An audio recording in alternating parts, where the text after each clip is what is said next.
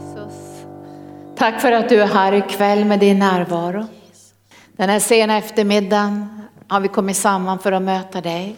Vare sig vi är i kyrkan här eller vi är hemma så är du där för att beröra oss, hjälpa oss, förnya våra tankar så att vi inte tappar tron på helande.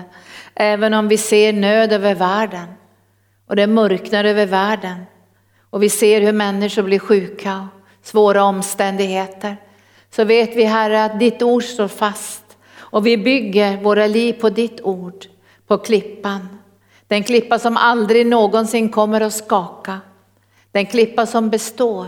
Den klippa som klarar stormar och vindar och vattenmassor. Och där bygger vi vårt hus på den klippan. Så du har sagt här att du ska bygga din församling på uppenbarelsen om ditt eget namn. Och dödsrikets portar ska inte bli församlingen övermäktig. Och du har gett din församling porten, de nycklarna som kan öppna varje port. Du har gett himmelrikets nycklar, själva huvudnyckeln.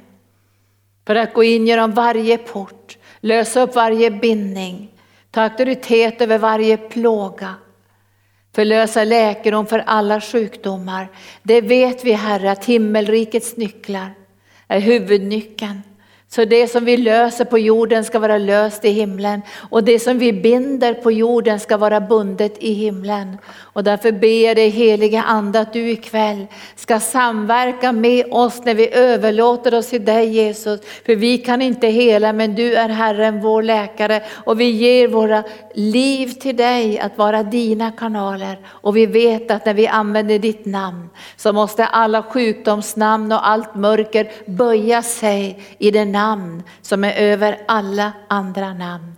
Så jag ger den här eftermiddagskvällen till dig Herre och jag tackar dig för att du är så ljuvligt manifesterad ibland oss. Och jag ber för alla årskurs 3, årskurs 2 som kommer att vara med ikväll och tjäna och flöda i profetisk smörjelse och i kunskapens ord. För vi ställer oss tillsammans för att höra från himlen. I Jesu namn. Amen.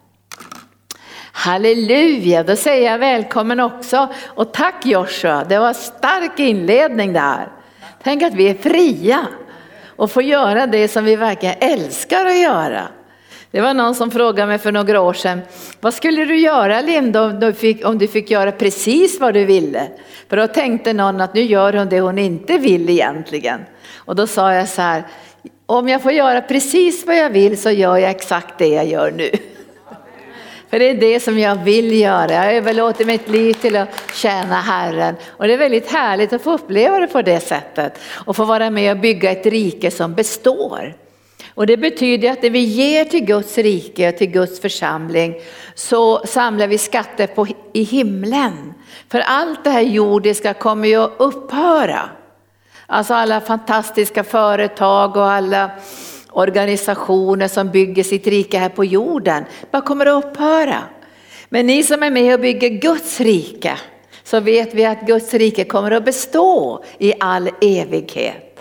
Så det är väldigt härligt att få den här friheten och få göra det valet. Jag ska tjäna Jesus med mitt liv, med mina gåvor, med det Gud har lagt i mitt liv och jag tänker tjäna Gud med mina pengar.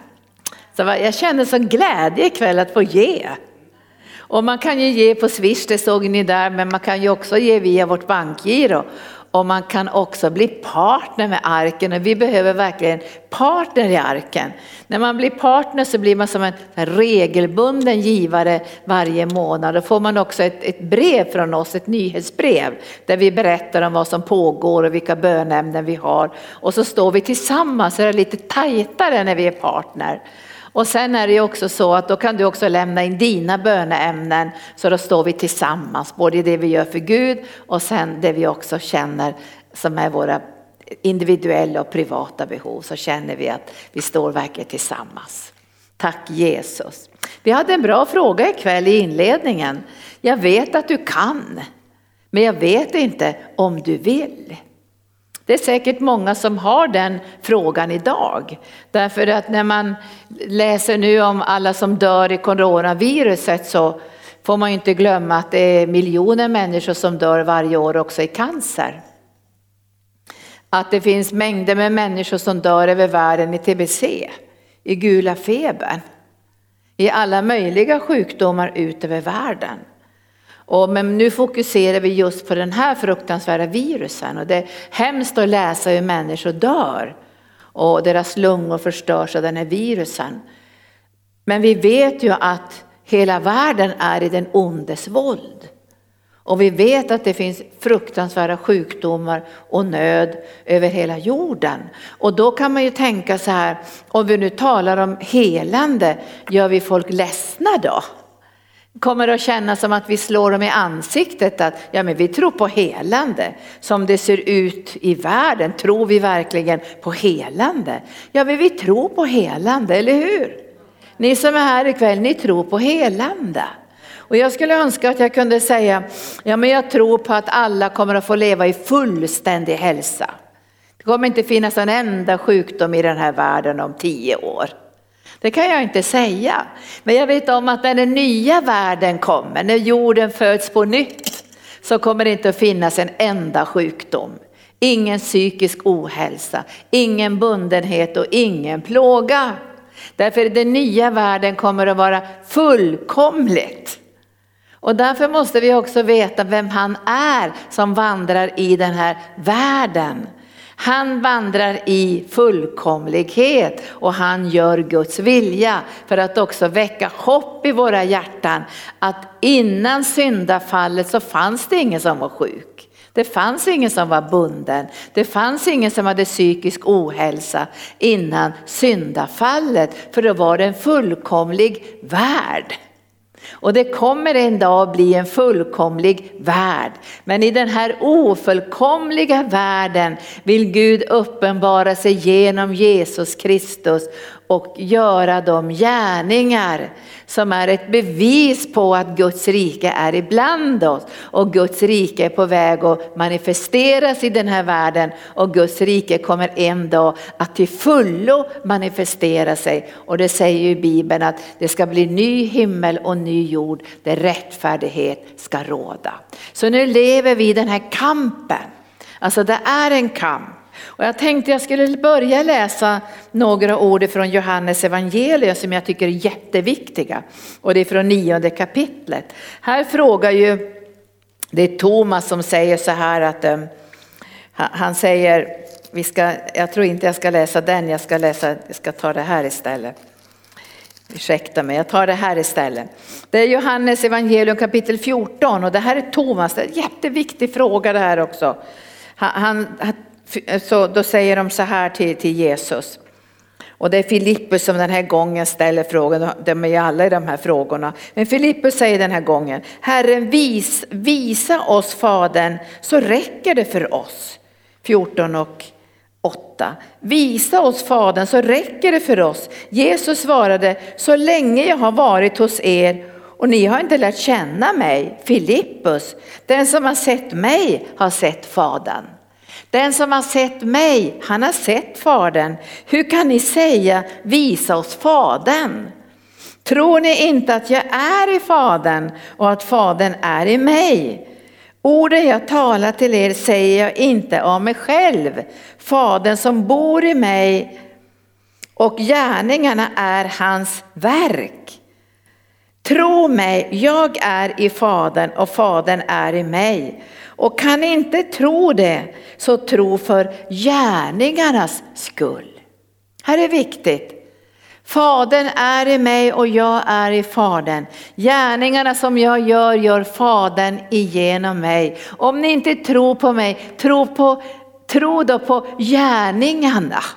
Här är jätteviktigt att tänka efter och studera vilka gärningar gör Jesus? Hur uttrycker sig Faderns vilja genom Jesus? Det här är viktigt. Därför det var mängder med människor som fanns omkring Jesus, men alla blev ju inte helade. Det fanns ju kritiska människor, det fanns människor som skulle bråka med Jesus, sätta fast Jesus och ifrågasätta Jesus. Det fanns människor som var likgiltiga runt omkring Jesus. Men så fanns det också människor som sökte sig till Jesus, eller hur? För att bli helade. Och jag har inte läst en enda bibeltext där Jesus säger gå härifrån. Däremot har jag läst bibeltexter där lärjungarna säger det. Och, de säger skjutsa iväg den här kvinnan, be henne gå härifrån, hon skriker ju så hemskt. För kanske lärjungarna också visste om att just den kvinnan tillhörde inte det judiska folket. Och Jesus hade ju kommit till det judiska folket. Efter korset skulle frälsning och nåd och läkedom komma till alla människor ut över hela jorden. Så när den här kvinnan kommer och ropar Davids son förbarma dig över mig då svarar inte Jesus. Och det är inte någon slags likgiltighet och kärlekslöshet i hans hjärta. Ni får fråga honom själv. Jag tror att när han var tyst så bad han tyst så här. Jag måste hitta en väg så jag kan välsigna den här kvinnan. Jag måste hitta en öppning så jag kan hjälpa henne. Tror ni inte att Jesus bad så? Alltså han hade sån kärlek till den här kvinnan och kvinnan säger hjälp mig för jag plågas svårt för min dotter är bunden av en ond ande. Och, och, sen så vänder sig Jesus om för nu blir det så jobbigt i den här situationen för lärjungarna har börjat bråka runt omkring Jesus och då säger Jesus så här, men det är så här kvinna att jag har kommit till, till det judiska folket och det bröd jag har tillhör det judiska folket. För det är barnens bröd.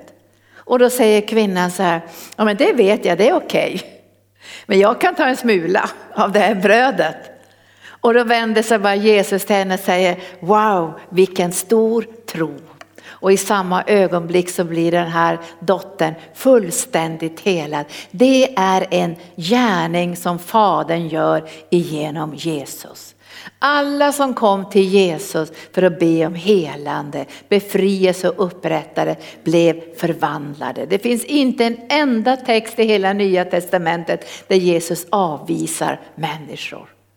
Och därför vet vi att när Fadern uppenbarar sig i Jesus så uppenbarar han sig på ett sådant sätt att läkedom och frihet och upprättelse strömmar fram. Och det här är viktigt för oss att veta och varför det? Jo därför att Jesus säger så här i, i, i kommande vers i den versen 12 så säger han, den som tror på mig ska göra de gärningar jag gör och större än så ska han göra för jag går till Fadern och vad ni än ber om i mitt namn det ska jag göra för att Fadern ska bli förhärligad i Sonen. Om ni ber om något i mitt namn ska jag göra det. Alltså det här betyder att, att genom den heliga ande så kommer Jesus att vara närvarande här på jorden för att göra Faderns vilja. Och Faderns vilja är helande. Det betyder inte att att det kommer att bli helande automatiskt över hela jorden. Men det betyder att det Jesus är, det Guds rike blir uppenbarat, där den helige ande flödar, där finns Guds vilja 100% att han vill förlösa helande i våra liv. Låter inte det härligt? Men får, nu ska jag tala lite grann ikväll om den här dubbelheten och kampen. Vi ska titta i Johannes tredje brev, det kanske inte är så vanligt man läser Johannes tredje brev. Men där ser man alltså en önskan. Och Johannes han var ju den lärjunge som han tog alltid tillfället i akt för att luta sig mot Jesu bröst. Så till och med Petrus blev nästan avundsjuk på honom och fick gå fram till honom och fråga vad säger Jesus om det här? För fort Johannes fick tillfälle då bara kastades han mot Jesu bröst för det var där han ville vara. Så han kände Guds vilja när han mötte Jesus. Och nu skriver han så här till en av lärjungarna som heter Gaius. Älskade broder säger han i andra versen i tredje Johannesbrevet. Jag hoppas att det går väl för dig på alla sätt. Jag hoppas det går väl för dig på alla sätt och att du är frisk. Liksom det är väl med din själ. Det här är en önskan ifrån Guds hjärta. Jag önskar att det ska gå bra för dig och att du ska vara frisk och att du ska må bra i din själ. Det här är en önskan ifrån Guds hjärta och som Guds församling behöver vi föra den här önskan vidare. För det står ju i, också i, i, i Filipperbrevet att vi ska göra våra önskningar kända inför Gud. Och för att vi ska kunna koppla ihop våra önskningar med Guds önskningar så måste vi veta att Gud vill att det ska gå bra för oss. Vi går inte och, be, och låter det bli jättejobbigt, låt oss förlora all ekonomi och låt oss bli sjuka nu här för att förhärliga dig. Det finns väl ingen människa som ber så. Vi ber att det ska gå bra för oss. På vårt arbete, i vår tjänst och i det vi gör för Gud. Det ska gå bra för oss. Och varför säger jag det? Jo, därför Gud vill att vi ska bära mycket frukt. Ni är kallade att bära mycket frukt för att han ska bli förhärligad. Så det här är Guds önskan, inte bara för dig och mig som kanske sitter här ikväll och vi älskar Jesus. Det här är Guds önskan för varenda människa ut över hela jorden. För jag tror att barnens bröd är inte bara en liten, liten brödbit som bara räcker till några få. Utan när Jesus stod på Golgata kors så kallar han sig själv för livets bröd som har kommit från himlen för att ge världen liv. Det här är en fantastisk proklamation, det här är Guds önskan. Att det ska gå bra för dig på alla sätt. På alla sätt ska det gå bra för dig. Det är Guds önskan. Och därför kan du och jag när vi möter på olika jobbiga saker, då vet vi att det kommer inte från Gud. För Gud önskar att det ska gå bra för dig. Så vi ska koppla ihop med Guds önskan. Som Joshua predikade nu, jag önskar att det ska gå bra för hans företag. För då kan han lösgöra massor med pengar till Guds verk. Jag önskar att det ska gå bra för mig så jag kan nå ut med evangelium så att bibelskolan blir ännu större i september. Jag önskar inte att gode Gud pröva mig ordentligt så det bara kommer tio elever. Det tycker jag vore, det vore en dålig bön. När jag vet om att Gud säger jag önskar det ska gå bra för dig på alla sätt och att du ska vara frisk. Alltså det är Guds önskan. Och när du och jag blir ett med Guds önskan så blir vi också ett med Guds hjärta. Och han säger till och med så här, det är knappt man tror på det, jag läser ju det. Större gärningar än jag gör ska ni göra. Det är klart att vi kommer att göra större gärningar än Jesus. Eller hur? Därför vi är många fler. Jag vet, det var inte så lätt för Jesus när han gick omkring här på jorden. Först skulle han rösta 12 lärjungar och sen skulle han rösta kring 70 lärjungar och sen hade han ännu fler lärjungar omkring sig. Men det var inte särskilt mycket särskilt många. Det var ju bara drygt hundra på i övre salen och de skulle ner och profetera för människor som hade kommit från hela den kända världen. Och sen skulle de gå ut i hela världen och predika evangelium. Men nu är vi många. Det är klart vi kommer att göra större gärningar. För nu är inte vi begränsade längre så att det är bara vi som är kristna i Sverige. Nu finns det ju kristna över hela jorden. Och därför kommer vi göra större gärningar. Det betyder kanske inte att vi kommer att, vi kan inte göra större gärningar på det sättet än Jesus gör, för han har gjort den yttersta gärningen och väckt upp de döda.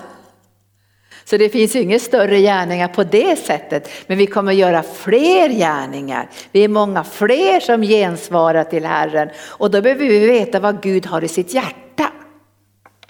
Så att vi också kan klara av när det blir prövningar och svårigheter så att inte vi tolkar det på ett felaktigt sätt. Och det vill jag säga no någonting om det ikväll.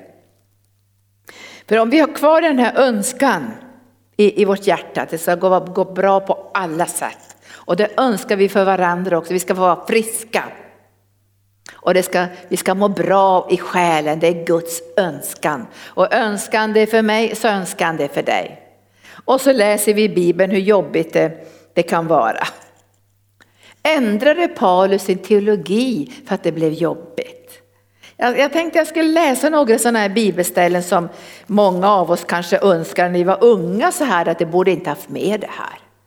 Vi river ut det här, för vi vill inte ha med det jobbiga. Vi vill bara ha med att alla blir friska och alla blir glada, halleluja, hela världen blir, allting ser perfekt ut. Och så gör det inte det och då börjar människor tappa tron och ändra teologin.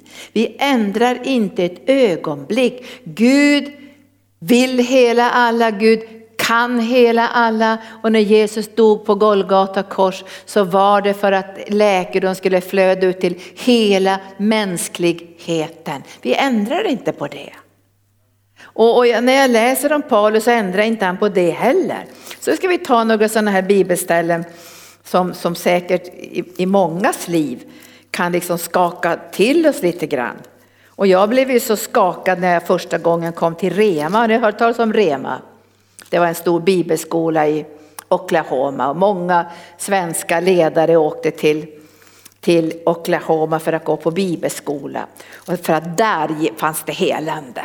Där fanns Kenneth Hagen som hade skrivit böcker om helande. Där fanns det en man som levde i hälsa.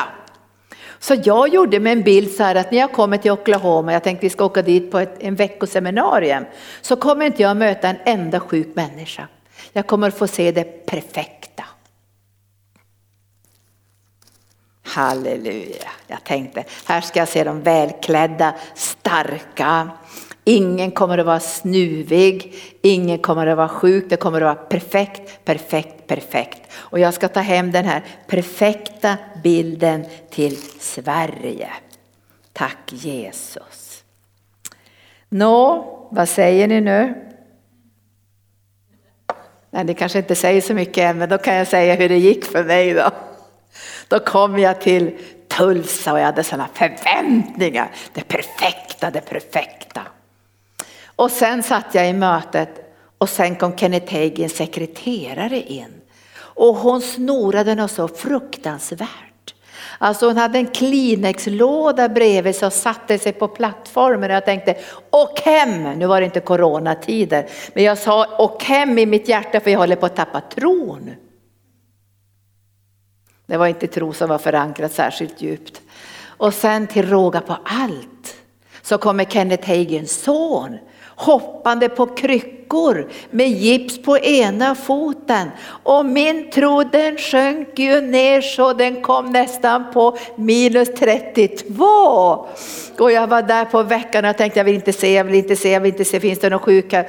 Ja, där fanns det någon som snorade, där fanns det någon som gick med rullator, där fanns det någon som haltade. Nej Jesus, Jesus, Jesus, jag tappar tron, jag tappar tron. Och jag kommer ihåg när jag satt där och det var sådana air condition hela tiden så jag fick ont i, i, i halsen också.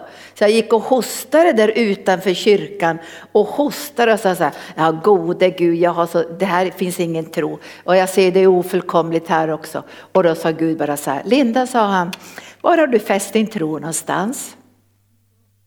Är det Kenneth Hagens sekreterares näsa? Eller är det Kenneth Hagens sons eh, krycka eller hans gipsade fot? Och jag ville inte lyssna nästan på Gud där. Så sa, var har du fäst din tro någonstans? sa han. Har du fäst din tro i mig? Vet du, jag gjorde bättring. Och från den dagen, det är snart 40 år sedan, så har jag aldrig låtit omständigheterna styra min tro. För vi lever i en ofullkomlig värld och vi kommer alltid få möta människor som behöver helande, som kämpar med sitt helande, som behöver gå fram en gång till för att ta emot helande. Men ändra det vår teologi. Ändrar det vår syn på Jesus? Ändrar det vår syn på att han har burit alla sjukdomar på Golgata kors? Nej, det gör det inte.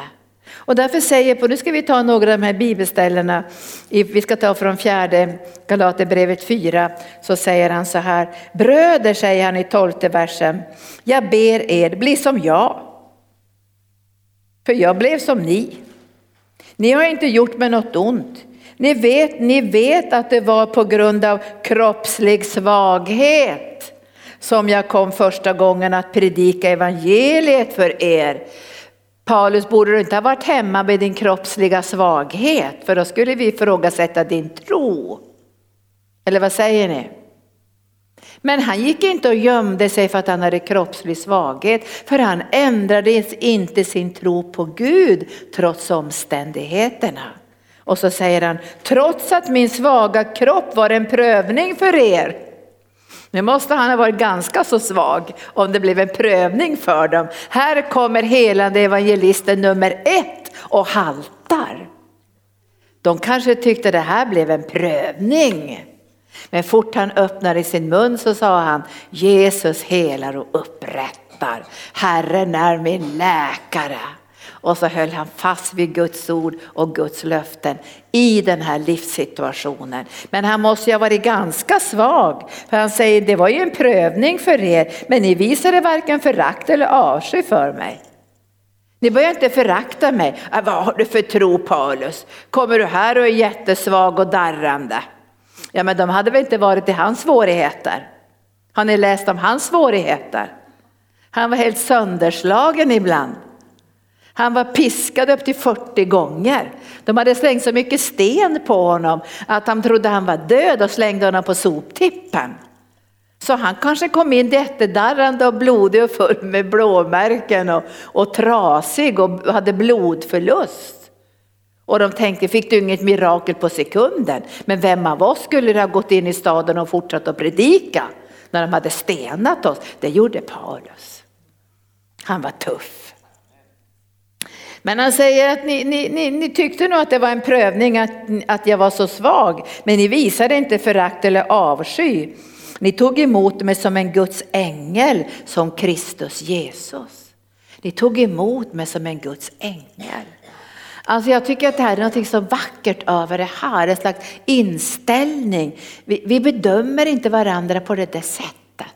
Utan vi ser varandra genom Jesus Kristus i en förväntan, i en förtröstan, med en visshet. Jesus helar oss därför han är densamme igår och idag och i evighet.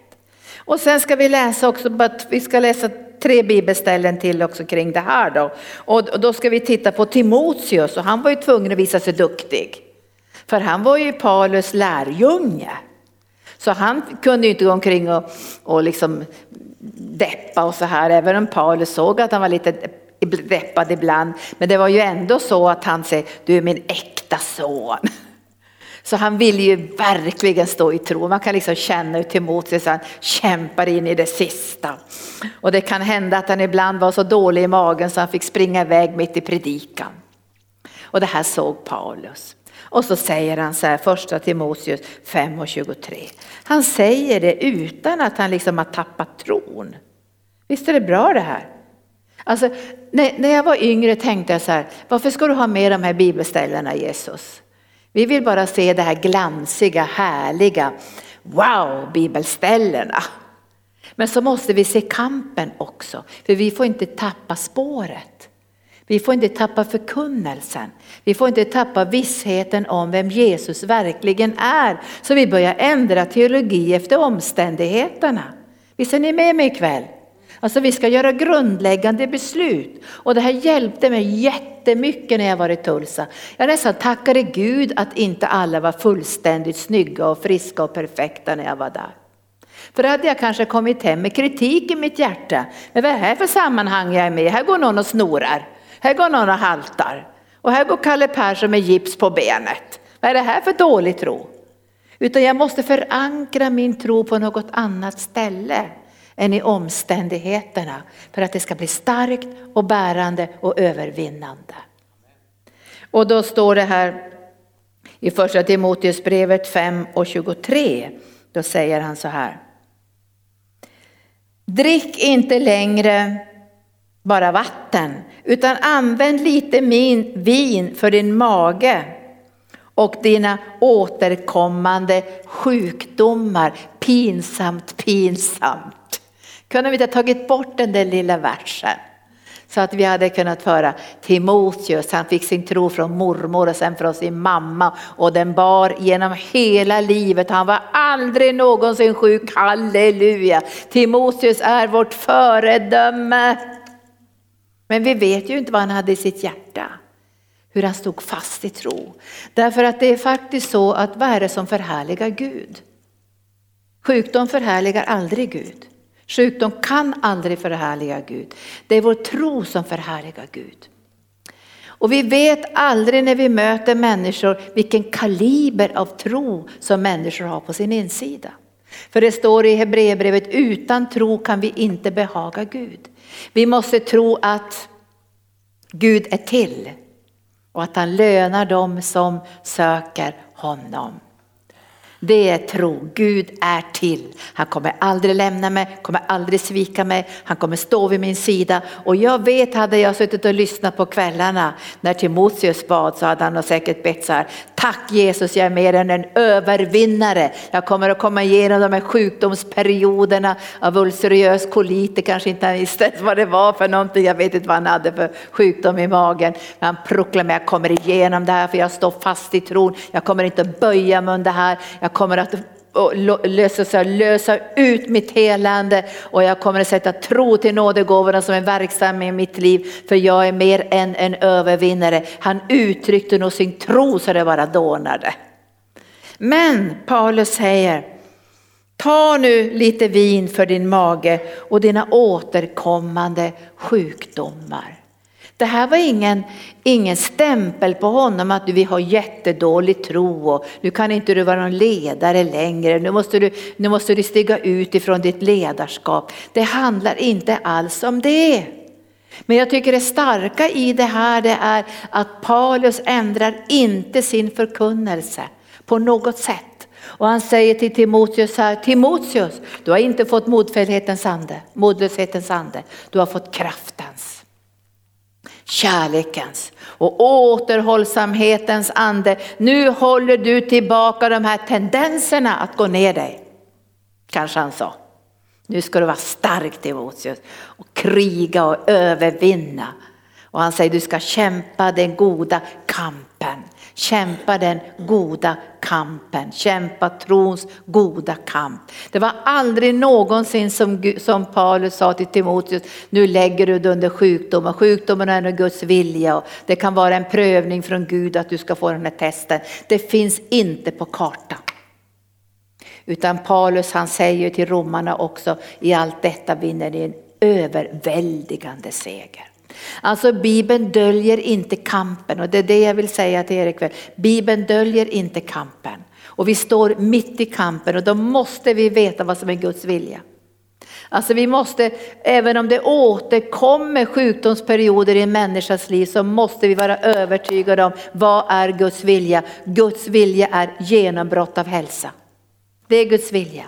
Och hur vet vi det? Ja, men det är för att Jesus visar vägen. Och Paulus hade ju fått uppenbarelse om Jesus. Jesus gav ju inte upp för att människor inte blev helade på en gång. Han, han sa ju inte okej, okay, du får vara glad för ett halvt helande. Han gav inte upp. Vi har ju berättat många gånger från Matteus 8 om den blinde mannen. Jesus som är Guds egen son, flödar i andens nådegåvor, väcker upp de döda, lägger handen på den här blinde mannens ögon och sen frågar han honom, kan du se nu? Och mannen svarar, nej jag kan inte se så bra. Han skulle ha sagt så här, fastän du har bett för, dig, för mig Jesus så ser jag inte så bra. Det vore ju pinsamt va? Och jag trodde att alla dina böner var perfekta. Alltså visst var Jesu böner perfekta, men det kanske var saker i den här mannens liv som behövde rättas till, behövde beröras. Det kanske var någonting på det själsliga planet. Han kanske behövde få förlåtelse, vad vet vi? Men Jesus säger ju inte bara tacka Gud för ett halvt helande, man måste vara tacksam. Utan han la handen på honom igen och han fick fullkomlig syn. Det visste Paulus.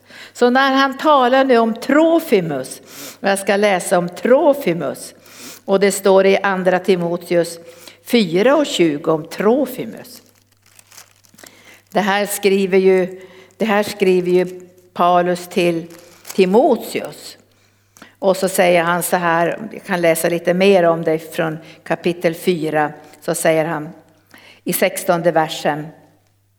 När jag, när jag försvarade mig första gången var det ingen som kom till min hjälp, utan alla övergav mig. Hoppas det inte tillräknas dem. Men Herren hjälpte mig och gav mig kraft för att förkunnelsen genom mig skulle fullföljas och alla folk skulle få höra den. Så blev jag räddad ur lejonets gap. Och Herren ska också rädda mig från alla onda anslag och frälsa mig till sitt himmelska rike. Hans är äran i evigheternas evighet. Amen. Men så stannar det inte där, så säger han hälsa Prisco och Aquila och Neforius familj. Frastus, Frastus stannade i Korint men, säger han i 20 versen, men Trofimus lämnade jag i Miletos eftersom han var sjuk. Jag lämnade honom i Miletos, Trofimus. Varför behövde han prata om det? Han kunde ha lämnat bort och sagt så här, allt är bra, halleluja. Men så säger han, nej men jag har lämnat min kompis där för han var sjuk. Och då är ju min fråga så här, men bad ni inte då? Då skulle han svara, det är klart att vi bad. Men det bröt inte just då igenom. Och därför lämnade vi honom där för att han skulle kunna få fortsätta att ta emot sitt helande. Men han säger inte, vi har slutat tro på helande nu. För nu har vi lämnat Trofimus efter oss där och han blev inte helad när vi bad fem gånger med handpåläggning. Och vi har ju sett Guds kraft. Det säger de inte. Utan de har fortfarande kvar den övertygande tron Jesus är Herren, läkaren. Och det här ska du och jag klara av när vi möter problemen och utmaningarna. Så vi inte blandar ihop det här och börjar anklaga människor. För vi vet inte vilka situationer människor är i. Vi vet inte vilken tro de uttrycker. För ibland har jag mött människor som har gått igenom jättemycket svårigheter och när de öppnar sin mun uttrycker de mera tro än de som har allting bra just då. De kan grälla och knota och tycka ingenting är bra men när man lyssnar på den som kanske är i världens jobbigaste livssituation och fått en, fått en diagnos från läkare så uttrycker de bara tro. Gud kommer att vara med mig. Det här kommer att gå till seger. Gud finns på min sida. Gud är min räddning. Jag tror på läkedom. Man blir helt förbluffad, man blir helt förstummad, man blir helt gripen och tänker vilken tro. Tänk om jag skulle kunna uttrycka sån tro. En av våra medarbetare som jobbar på annan plats, hon fick besked om att hon hade fått cancer i, i livmodern. Allvarlig cancer. Och hon skulle få förtur för operation, men vet du vad hon sa? Nej, sa hon, jag vill inte operera mig i förtur för jag ska på arken först och ha undervisning med pastor Gunnar på, på konferensen Jesus helar och upprättar. För jag vill stärka min tro och sen ska jag operera mig. Jag vet inte hur många som skulle göra på det sättet. Men det har gått till fullständig seger. Det finns inte ett spår av cancer i hennes liv. Tack Jesus. Och då kan vi också läsa ifrån, vi kan läsa ifrån Filipperbrevet 2.27. Och, och nu talar han ju om sin medkämpe. Sin medkämpe Epafroditos. Och han säger mig. min svaga misslyckade medarbetare som jämt blir, får förkylningar och mår dåligt och blir sjuk. Han säger inte det, han säger så här i 25 versen. Jag tyck, eller i, fyr, i, i, det är i 2 och 25. Jag tyckte dock att det var nödvändigt att skicka tillbaka Epafroditus till er, min broder, medarbetare och medkämpe min broder, min medarbetare och medkämpe och ni som ni sänder för att hjälpa mig vad jag behövde. Han har längtat efter er alla och varit orolig eftersom ni har hört att han har blivit sjuk. Och han var verkligen sjuk, nära döden. Men Gud förbarmades över honom och inte bara över honom utan också över mig så att jag inte skulle få sorg på sorg. Han var verkligen sjuk nära döden. Behövde du säga det Paulus? Liksom gnida in salt i såren. Ja, han var verkligen sjuk nära döden. De kan säga de här sakerna och bevara en sån otrolig förtröstan på Herren läkaren.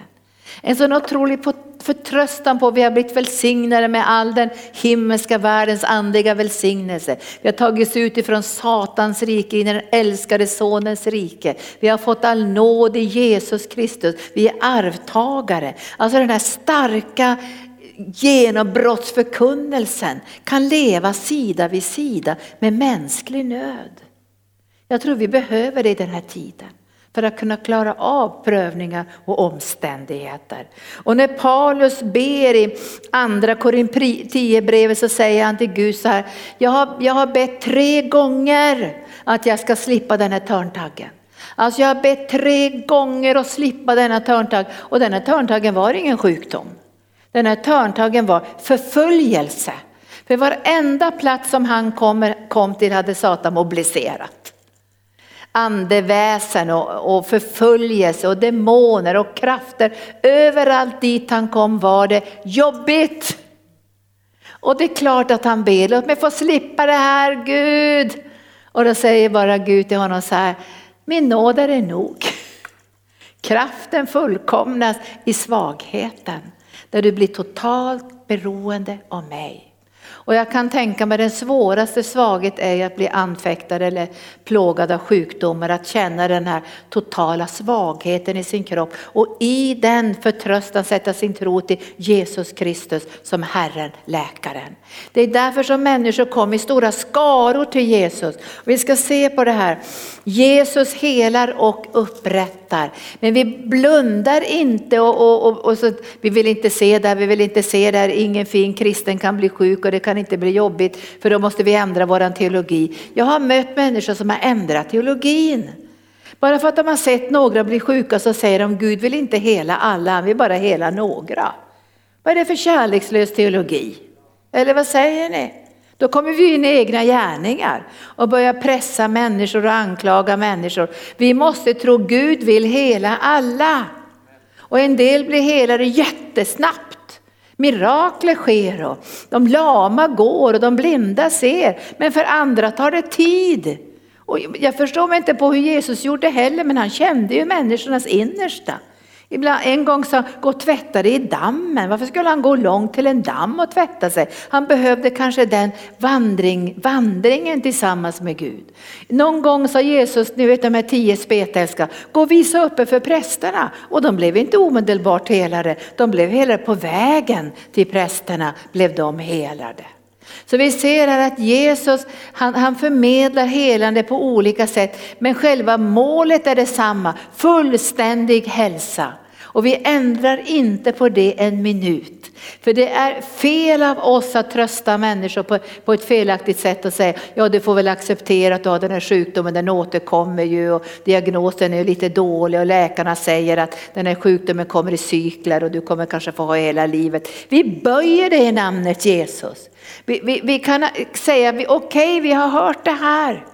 Men vi vet ändå i våra hjärtan att Gud vill hela. Men jag är så tacksam, nu på äldre dagar är jag så tacksam att Bibeln också lyfter fram de jobbiga delarna. Så att du och jag inte faller omkull för att vi har kommit till trosammanhang och någon tar fram Kleenex-lådan och snorar. Ni tycker kanske att jag var barnslig i det där men jag kom dit och tänkte att vi ska se det perfekta av det perfekta av det perfekta. Det finns inte.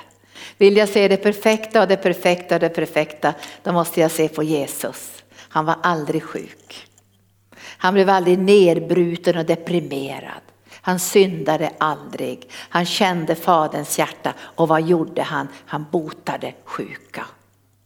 Han gav tröst till människor, han upprättade dem, han befriade dem från onda andar. Och nu ska vi se i Markus 6, det här sände en sån signal i hela den kända omvärlden att de hämtade människorna från alla håll. Därför de visste att om människorna får komma till Jesus så blir de helade. Det var precis så, det finns många ställen men jag tror jag tar, jag tror jag tar det här kända stället ifrån Lukas kapitel 6. Det finns så fantastiska bibelställen som man bara blir lycklig när man läser dem.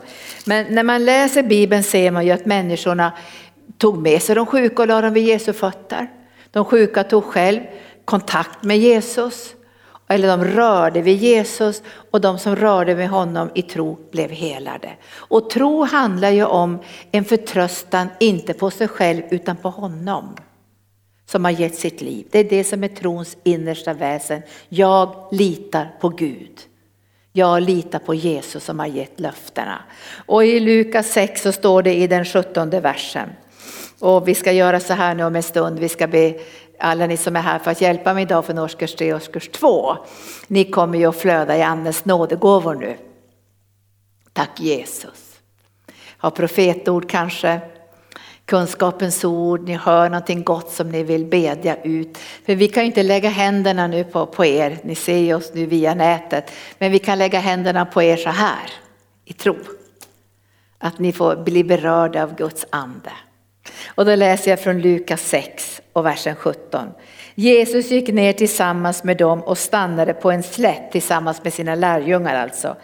Där var en stor skara av hans lärjungar och mycket folk. Där fanns både lärjungar och så var det mycket folk som ännu inte hade blivit lärjungar. Från hela Judeen, Jerusalem, från kusten vid Syrus och Sidon. De hade kommit för att höra honom. De hade kommit för att höra honom och för att bli botade från sina sjukdomar. De hade inte bara kommit för att höra, de hade kommit för att bli botade för de visste där Jesus går fram blir människor helade. Den helige ande ger sitt vittnesbörd att fadern verkar igenom honom och fadern vill helande. Vi är totalt övertygade om att Herren vill helande och det är de sjuka som behöver helande. Det var Timoteus som behövde helande vid det här tillfället. Det var Epafroditus som behövde helande, Trofimus behövde helande och Paulus behövde själv helande, kanske från blodförlust och kroppslig svaghet på grund av all denna fruktansvärda förföljelse. Men i andra lägen var ju han en riktig stålman, eller hur? När, när de hade fått det här skeppsbrottet så kom de upp på en ö och skulle samla ved till att göra upp eld. Och, och då började de titta på Paulus och säga han är en krigsfånge. Och, och Gud, Gud, han borde egentligen ha dött och så här men Gud kommer att straffa honom. Och så kommer en orm och biter honom, biter sig fast i handen när han håller på att plocka lite vedbitar, vedträn eller kvistar eller vad de plockar. Och då säger de, ja han får sitt straff i alla fall. För de tänker helt fel. Och då skakar han av sig ormen i elden och det sker ingenting. Och då kan man ju fråga sig varför skakar inte han av sig den kroppsliga svagheten? Ja, det gjorde han säkert. Jag kan tänka mig att han stod och skakade riktigt så här. Nu skakar jag av med den här kroppsliga svagheten i namnet Jesus. Nu bara står jag fast i tron på din styrka. Jag tror på din övernaturliga kraft för jag har kraften i ett svagt lerkärl. Och jag tror helige ande att just nu styrker du mig. För det står ju inte så mycket sen om att han var svag i kroppen. Så han måste ha blivit helad. Jag tror han trodde rakt igenom på kroppslig styrka. Jag, som Johannes säger, jag vill att det ska gå bra med allt era liv, att ni ska vara vid bra hälsa, ni ska vara friska och att era själ ska må bra, Guds önskan. Och nu ska vi se vad som händer. De hade kommit för att höra och bli botade för sina sjukdomar.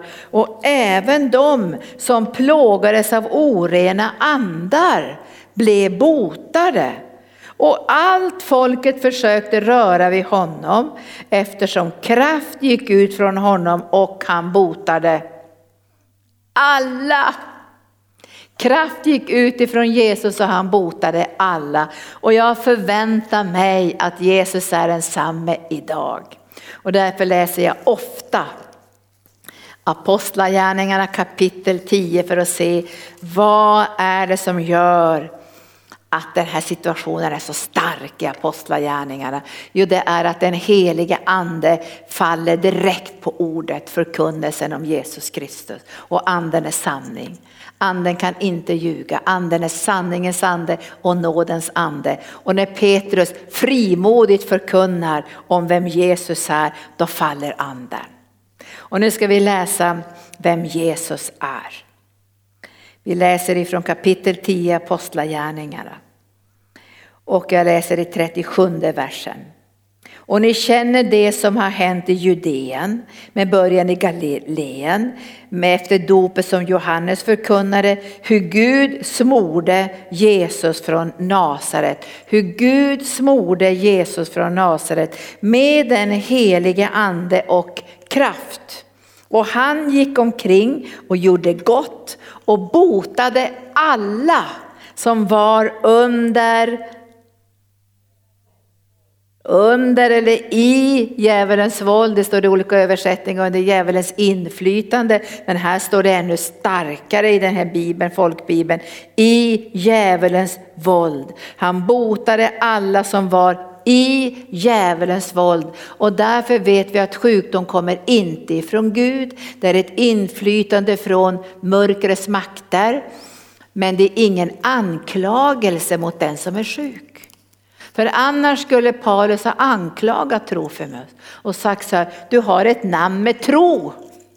Trofimus, tro nu på hela det, vad tog din tro vägen?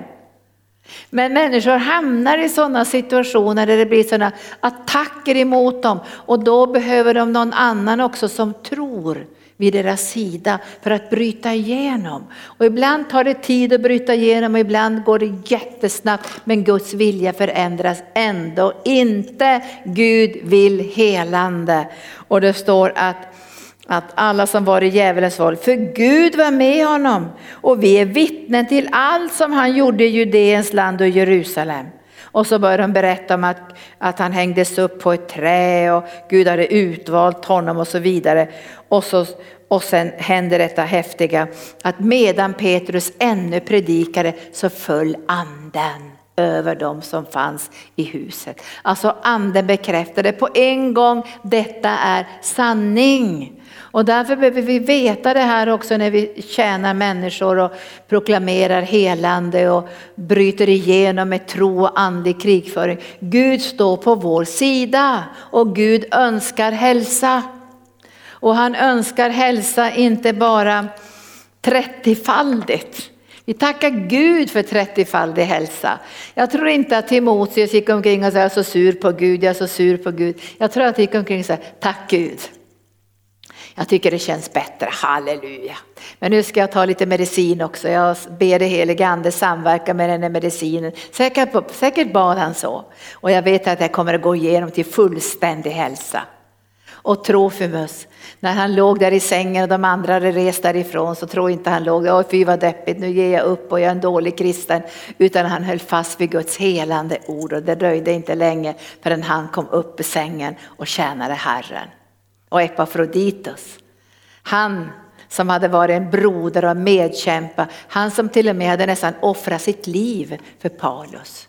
Och de här som kom i de här fruktansvärda utmaningarna och förföljelserna, man vet ju inte vilka ställen de hamnade på, de blev slagna och rivna och utsatta för våld på olika sätt och säkert kunde de känna kroppslig svaghet på grund av det. Men jag tror de lämnade inte ett ögonblick den förkunnelse som Gud hade lagt i deras hjärtan, förkunnelsen om Jesus och den seger som han hade vunnit på Golgata kors. Och nu förebedjare ska ni få komma fram här och proklamera och tala ut goda ord ifrån Guds hjärta. Tack Jesus. Vi ger inte upp. Vi sjöng den sången ikväll.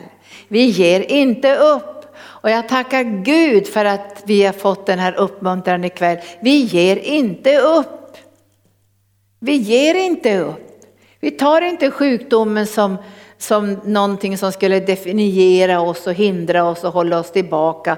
Det var inte så att Gud sa till, till, till Timoteus genom Paulus att nu är din tjänst över. Han säger fullgör din tjänst. Fullgör din tjänst oavsett hur det ser ut precis just nu i ditt liv. Fullgör din tjänst, stå fast, övervinn, kämpa trons goda kamp. Följ mig, säger Paulus, i målsättning, i liv och lära. Följ mig, se hur man gör. För du ska vara en kanal för Guds kraft till många lidande människor och då får inte du vackla i din egen prövning. Och jag tror inte att han vacklade. Ni har ju läst breven till Timoteus. Tack Jesus. Nu ber vi det heliga ande att vi ska få höra från himlen den här kvällen. Kom heliga ande, sikororia, metrokoria. Ja, upprepade sånt migränattack. Och Jesus vill bota dig fullständigt av den här attacken. Och sen det är liksom någon som har lyssnat så mycket det här liksom nyheter av corona, att det här liksom eh, över dig har blivit som, som tyngd, som en cement. Du är så orolig och du är så under det här. Och Jesus säger till dig att lyft blicken och se på mig. Jag har övervunnit den som är i världen att lyssna mina ord, min stämma. Jag ska lyfta dig upp, jag ska uppmuntra dig. Och den här tyngden, det kommer försvinna i mitt namn, säger Jesus. Tack Jesus. Tack. Och sen det är någon som gått igenom någon slags eh, knäoperation. Och du har liksom eh, någon skrov de har lagt när de har opererat. Så det är liksom, det är någon slags nervsmärta du känner. Och det Jesus ska bota den här smärtan och den här nervsmärtan. Du blir fullständigt helad i namnet Jesus. Ja, tack Jesus. Och det finns också någon som har en hjärntumör som Gud vill ta bort den, Gud vill hela din hjärna. Och sen så finns det någon som har haft en rosslande hosta flera månader, alltså länge och den släpper inte. Men den vill också Jesus ta bort nu. Och sen så är det någon som har livmoderhalscancer som Gud vill hela.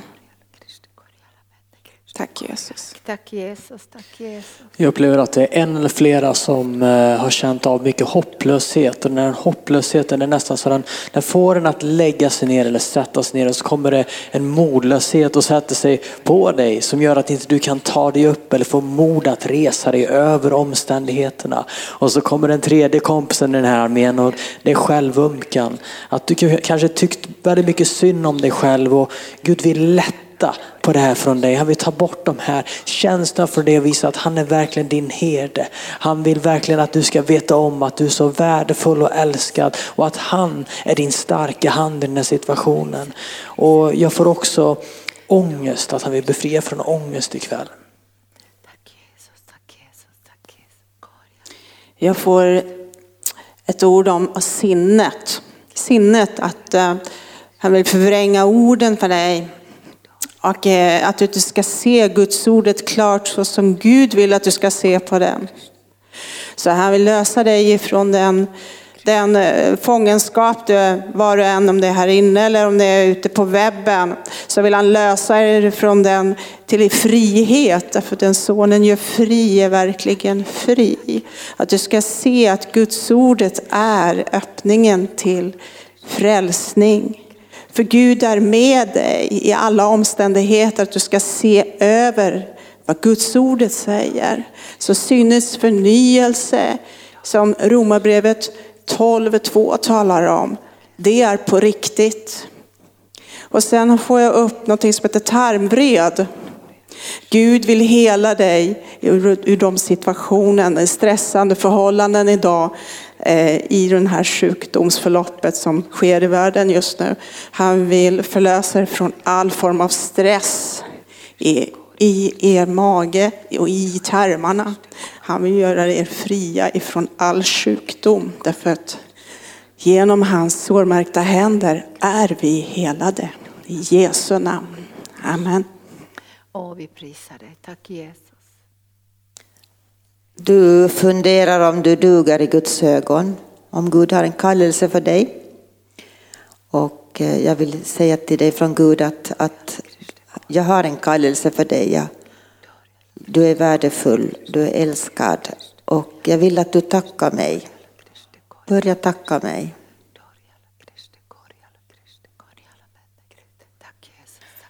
Ja, jag tror att det är någon som har svårt att ta emot helande för du vet att det delvis eller helt är din egen skuld. Kanske har du misskött din kropp och det har fått konsekvenser. Men Gud han älskar att visa sin kärlek med att ge dig det du absolut inte har förtjänat. Tack Jesus. Ja, det är viktigt. Vi bara känner att Herren säger till just dig ikväll att förlåt dig själv om du har misskött din kropp och du känner fruktan nu för du har fått åldersdiabetes och kanske Herren sa för flera år sedan att du skulle gå ner i vikt eller du har hört ord som Gud har sagt till dig och så har du liksom inte gjort det. Men då ska du veta att, att Guds nåd överflödar i den här situationen. Och du kan komma till Herren med den här enkla tron. Tro att han är till och att han lönar dem som söker honom. Tro på att han är Herren, din läkare. Och det är inte han som önskar att du ska vara i den här svagheten och i den, den här bristen i ditt liv. Han önskar att få beröra dig med sin kärlek. Bara förlåt dig själv nu. För nådens tron är öppen. Nådens tron är öppen för dig. Bara spring nu till nådens tron. I Jesu namn. I Jesu namn. Tack Jesus. Och jag vill gärna ge eh, Jesaja 53 och 5. Han var genomborrad för våra överträdelsers skull, slagen för våra missgärningars skull. Straffet var lagt på honom för att vi skulle få frid. Och genom hans sår är vi helade. Och så tror jag att det, kan vara någon som lyssnar som har besvär på grund av myomer på livmodern. Och Guds kraft går in i din mage just nu och i hela din kropp. Bara ta emot. Och vi tar bara förlösa läkedom nu. Bara lägg handen på din mage nu för nu kommer Guds kraft och flödar in i din mage, in i din livmoder. Bara se nu Guds ande flödar. Kom helige ande. Kom och ta bort alla skuldkänslor, all, all känsla av misslyckande, all känsla av att vara en dålig kristen för att man har blivit attackerad av sjukdom. Jag ber här att blicken ska tas bort från sjukdomen och komma till dig istället. Vi ska se på dig Jesus, för du är trons hövding och fullkomnare. Du står, du står vid vår sida. Du sitter på Faderns högra sida också och manar gott för oss. Du har banat väg för oss i fullständig hälsa. Därför är din önskan att vi ska få leva och vara friska. Det har du sagt genom Johannes att du vill och önskar att vi ska få vara fullt friska. Och jag bara löser ut och jag löser, löser ut ifrån all fördömelse och all skam och all känsla och drar dig undan bara för att du är attackerad av sjukdom. Utan Gud ska väcka tro i ditt innersta. Du ska vara en förkunnelse av Guds god. Du ska hålla fast vid Guds löfte. Du ska proklamera Jesu helande kraft. Du ska proklamera försoningen. Du ska tala ut att du tror på Jesus Kristus och du kommer att få se hur himlen som redan är öppen får en landningsplats in i ditt liv. Men låt inte djävulen attackera dig, förnedra dig och slå emot dig så du måste gå och gömma dig när du är attackerad av sjukdomar. Utan kom till Jesus, kom till hans hjärta och be trossyskonen om hjälp. Du ska vara frimodig som Paulus när han var svag i sin kropp så kom han till trossyskonen och de tog emot honom som han var en Herrens ängel. Kom helige ande. Jag har en sak till som jag så gärna vill dela. För det är kanske någon som upplever att det är någonting som är så som dött i ditt liv. Men eh, när Lazarus var död så, så sa Jesus att han var glad han inte var där för att de skulle få tro. Så, så den situation ska föra till att du får en ny mirakeltro. Bara förtrösta på Herren och han ska resa upp igen den eh, situationen.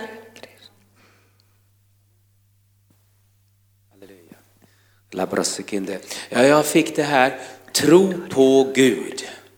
Att man bara sätter sin tro, att man inte gör det så komplicerat. Att bara välj och tro på det som har, ordet som har gått ut nu och frukta inte. Välj att tro på helande. Välj att tro på den här förkunnelsen som har gått ut ikväll. Välj att, att, att tro på det, att Gud vill dig väl. Han vill att du ska må bra och vara frisk och att du ska stå väl till med din själ. Så det gäller också att stänga de här dörrarna till fruktan. Så bara tack Jesus, vi bara stänger det här fruktan nu Fader. Fruktan för sjukdom, fruktan för det som pågår. Vi bara binder upp de här krafterna och stänger de här dörrarna nu och löser ut Herre en tro på dig. En tro på ditt ord Herre, en tro på att det du säger är sant. Att du vill oss väl, du vill bota oss och du, och du gör det just nu Fader. Vi bara sätter vår tro till det och vi tror på ditt ord och vi tror på dig Herre i Jesu namn. Amen. Och vi bara stänger varje dörr av fruktan i namnet Jesus. Vi stänger varje dörr till att sjukdomar ska komma tillbaka gång på gång på gång. Vi bara stänger den här dörren i människors liv som har hört talas om att sjukdomarna återkommer. Vi säger ett stopp för sjukdomarna i namnet Jesus. Det är stopp för sjukdomarna i namnet Jesus. Vi stänger dörren med bindenyckeln för sjukdomarnas Kom inte tillbaka i namnet Jesus. Vi ber om fullständig hälsa. Vi ber om fullständig hälsa. Vi tror att Timoteus fick uppleva fullständig hälsa. Även om han fick ta lite vin för sin mage under en kort period så fick han uppleva fullständig hälsa. För han var både pastor och evangelist. Han fick tjäna i full kraft. Han var en hjälptjänst till Paulus. Han segrade i omständigheterna. Han var en tapper stridsman. Han fick kämpa trons goda kamp i kraft av positiva profetord som vilade över hans liv. Och han visste att Jesus är läkaren. Och jag tackade Gud för att Epafroditus inte slutade bekänna att han var en broder, en medkämpe. En, en, en härlig medarbetare. Han gav inte upp och tyckte han var misslyckad utan han fick fortsätta att tro på fullständigt helande. För snart skulle han söka upp trossyskonen och få ge ett kraftfullt vittnesbörd om din trofasthet. Jag bara prisar dig Gud för att vi har fått se dessa härliga lärjungar i Bibeln, hur de handskades med svårigheterna och attackerna i sitt liv. Hur de gav inte upp, de böjde sig inte under omständigheterna. De kunde vara modfällda men de var aldrig rådlösa. De kunde vara rådvilla men aldrig rådlösa. De kunde vara slagna till marken men aldrig någonsin var de utslagna. Därför de visste att du var med dem och de kunde känna sig trängda men de var aldrig instängda för de visste att du som var med dem var större än den som bor i den här världen. Och jag tackar dig Jesus för att du uppenbarade din makt gång på gång på gång för att göra om intet djävulens gärningar. Tack underbara Jesus att du är här ikväll. Du är hemma hos människor ikväll. Jag ser i anden att du rör vid människor ikväll. Kom helige ande, den som har en tumör nu i sin hjärna, kerosoria, brekonaidi och sikrita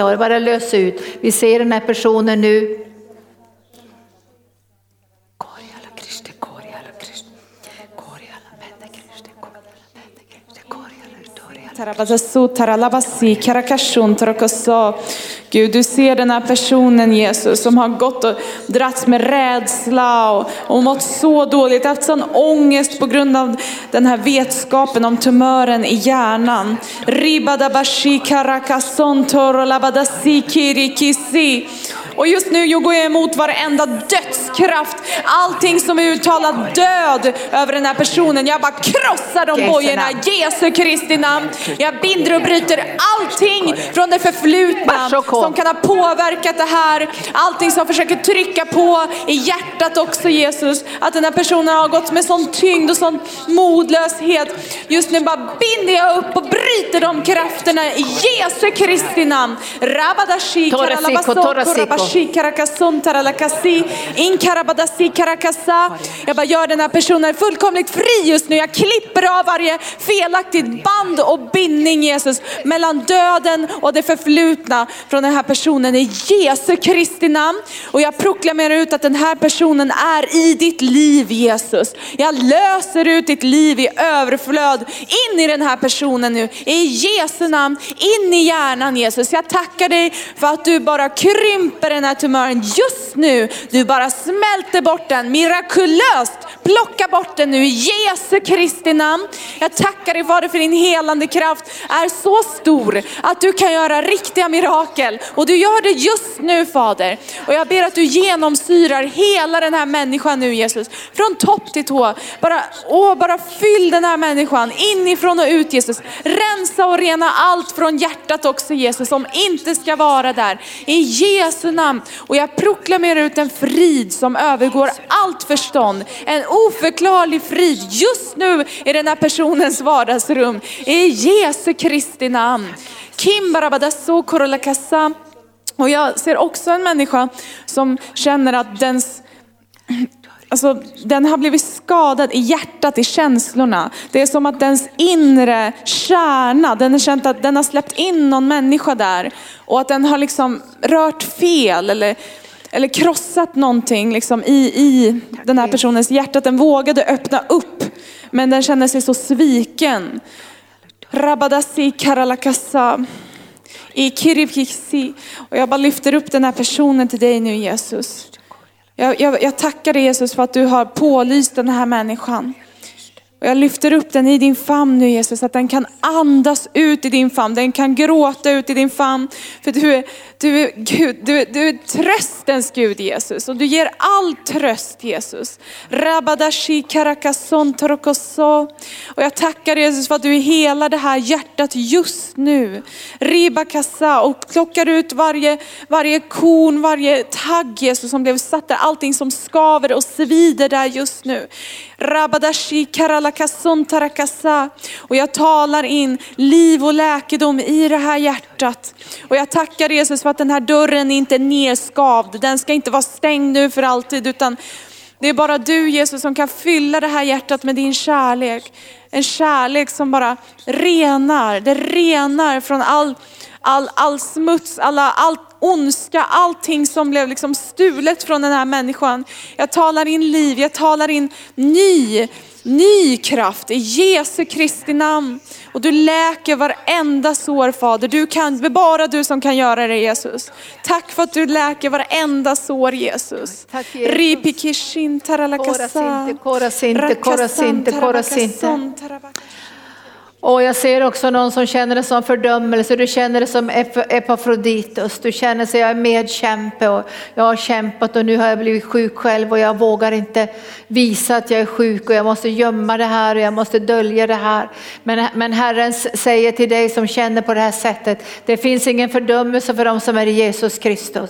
Därför Guds kärlek kan aldrig skilja dig från, från, från den kärleken som är ingjuten i ditt hjärta. Och du är en övervinnare, du är en segermänniska, du är en som är över och inte under. Du är en kämpe i anden och du kommer att komma igenom. Och Herren säger till dig att du kommer att få ett levande vittnesbörd om Guds godhet och Guds kärlek. Du kommer inte bara tala om kristendomen som en, bara som en vandring på moln, en vandring på rosenblad, utan du kommer att säga, vi kommer i svårigheter ibland, det kommer attacker emot oss ibland, men vi är mera en övervinnare, vi kommer utifrån varje problem och varje livssituation som är jobbig, som mera en övervinnare med ett levande vittnesbörd om Guds trofasthet. Jag sänder det in i ditt hjärta, ge inte upp, tack Jesus.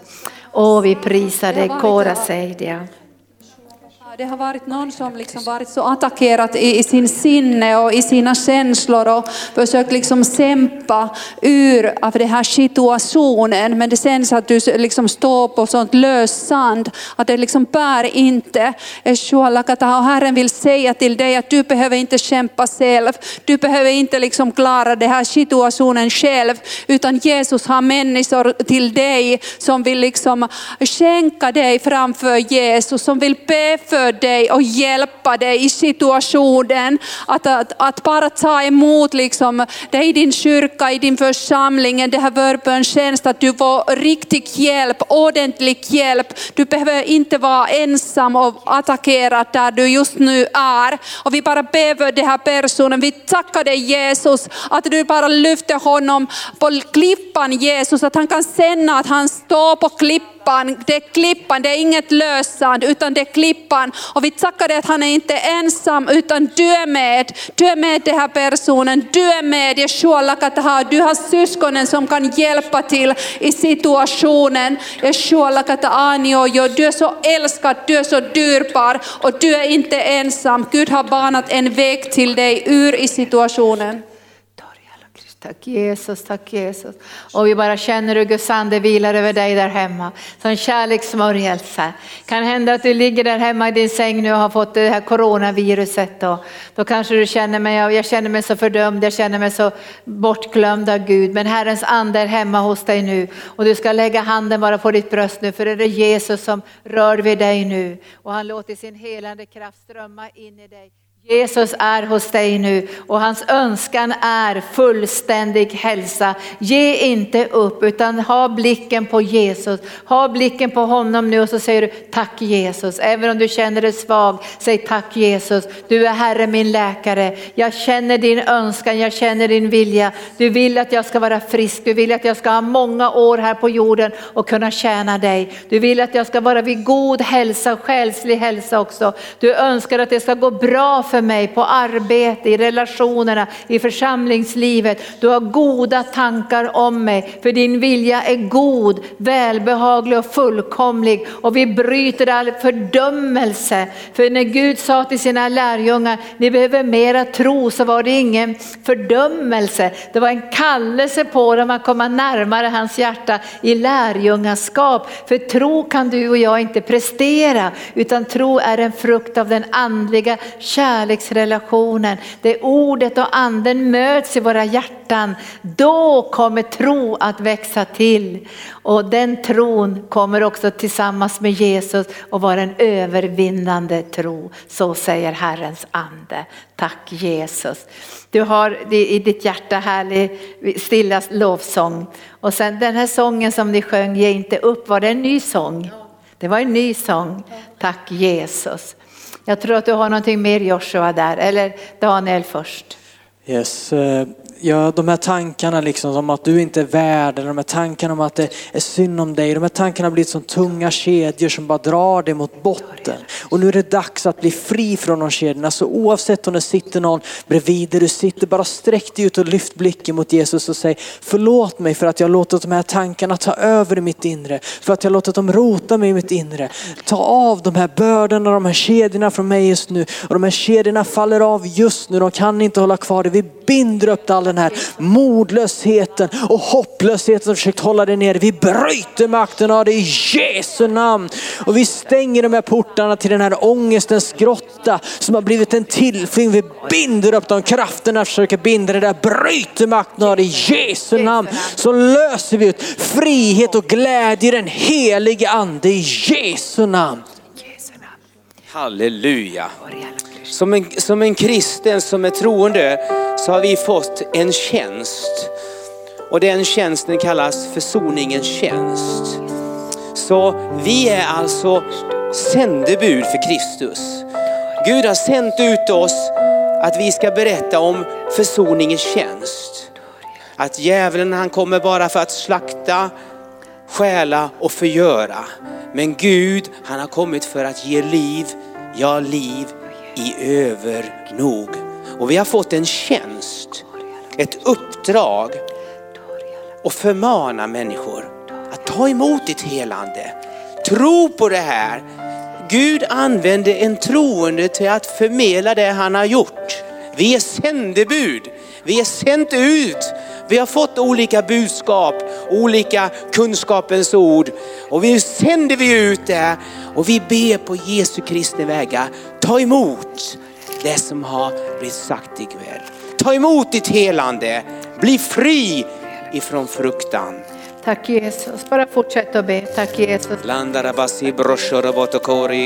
Och vi bara sänder ut de här orden nu. Vi bara sänder ut de här orden om helande, om befrielse. Vi bara sänder ut det nu, ta emot det. För Gud är här, han vill bota, han vill hela, han vill göra mirakel, tecken och under just i ditt liv. Och vi vet att fienden kommer och säger, han försöker ljuga och säga nej det finns inte möjlighet. Det finns ingen möjlighet för det här nu. Det är lögn. Det är lögn och vi binder upp det här. För vi tror på liv, ja liv och liv i överflod. För Jesus har kommit med liv. Och vi bara sänder nu ut det här budskapet. Att Jesus Kristus är livets första. Han är livets första och han har kommit med liv. Ja, liv och liv i överflod. I Jesu namn. Åh,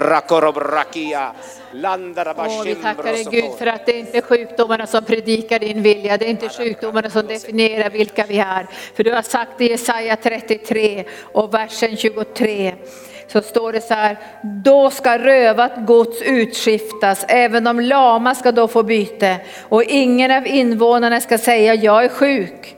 Folket som bor där har fått sin synd förlåten. Och även om du ser med dina fysiska ögon och känner med din kropp att det finns symptom av olika slag så ska du göra den här inre bekännelsen. Jag är frisk. Och det här är inte lögn, det här är inte bedrägeri. Jag tror att alla de här lärjungarna som blev attackerade i sina kroppar, de hade den här bekännelsen. Inte att man gick och ljög och, och hittade på saker, utan den här bekännelsen är kopplad till Jesu Kristi seger på Golgata kors. Den seger som han har vunnit och han har utskiftat byte för han har gått in i den starkes hus och bundit honom för att vi ska få del i bytet. Och därför kan även den som är svag säga, jag är stark. Och den som är sjuk kan säga, jag är frisk. Och det låter som att det, det vore en lögn att säga så. Men det är en bekännelse i enlighet med Jesu fullbordade seger på Golgata kors. Därför att vi tror att hans kraft och hans ord har högre dignitet i våra liv än omständigheterna. Det är vår bekännelse. Tack Jesus, tack Jesus.